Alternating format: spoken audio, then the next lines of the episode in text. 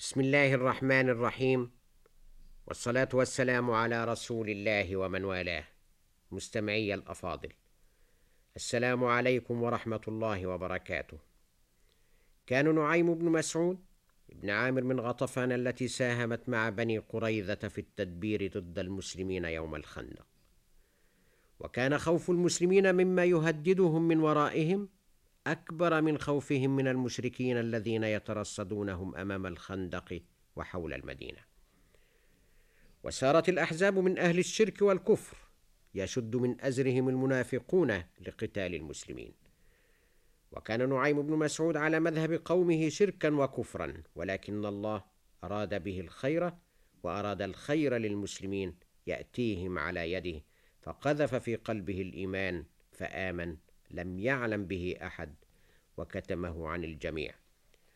ثم راح إلى رسول الله صلى الله عليه وسلم متخفيا لم يره أحد كما لم يعلم بخبره أحد فوجده يصلي.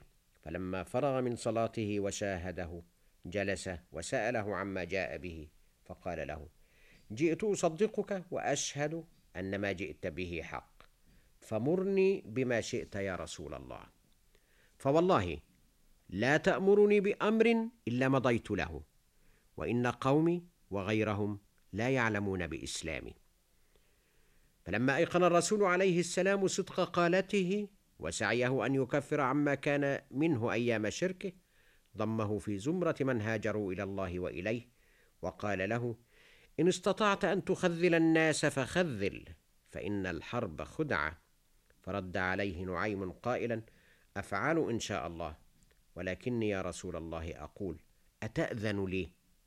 يعني بذلك أن يضرب بين الأعداء وأن يقول لهم أمورا غير واقعة ليخذلهم. فقال له الرسول الكريم قل ما بدا لك يا نعيم فأنت في حل إن الحرب خدعة.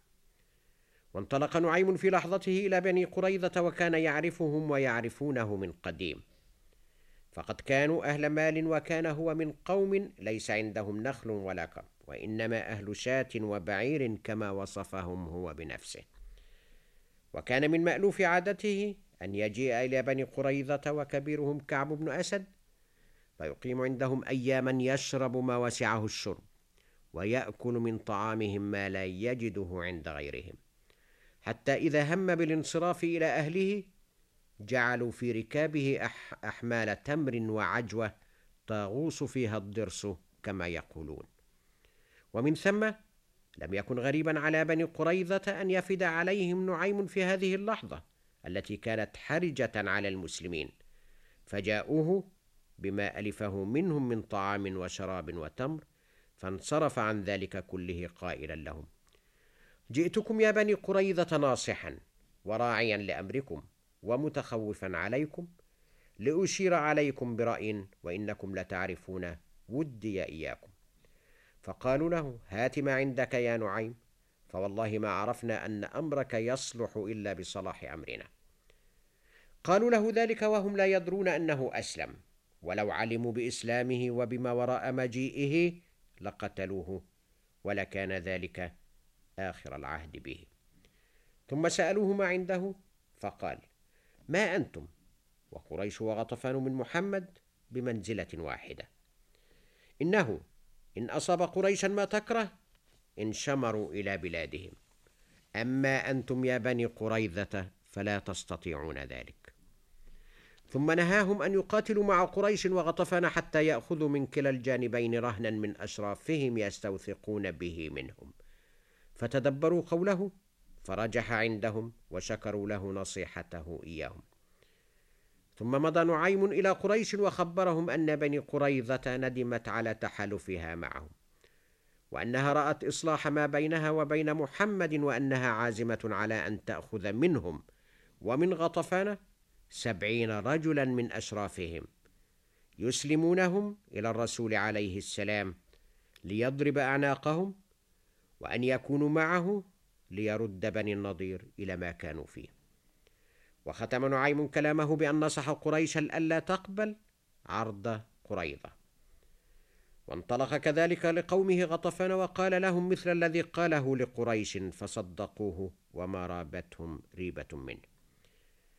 وجازت الحيلة على بني قريظة كما جازت على قريش وغطفان وتشككت الأحزاب بعضها في بعض فرحلت غطفان ورجع إلى أبو سفيان بقومه إذ طلبت منه قريظة الرهن فأبى وصدق الخبر الذي جاءه به ابن مسعود.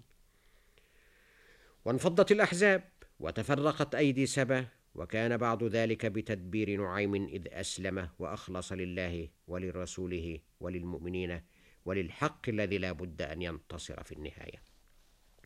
قال الاستيعاب إن خبره في تخذيل بني قريظة والمشركين خبر عجيب. وثنى الاستيعاب على ذلك بأن قال إنه نزلت في ذلك هذه الآية الكريمة الذين قال لهم الناس إن الناس قد جمعوا لكم فاخشوهم فزادهم إيمانا وقالوا حسبنا الله ونعم الوكيل. صدق الله العظيم. مستمعي الأفاضل شكرا لكم على إصغائكم وإلى حلقة الغد إن شاء الله تعالى والسلام عليكم ورحمة الله وبركاته.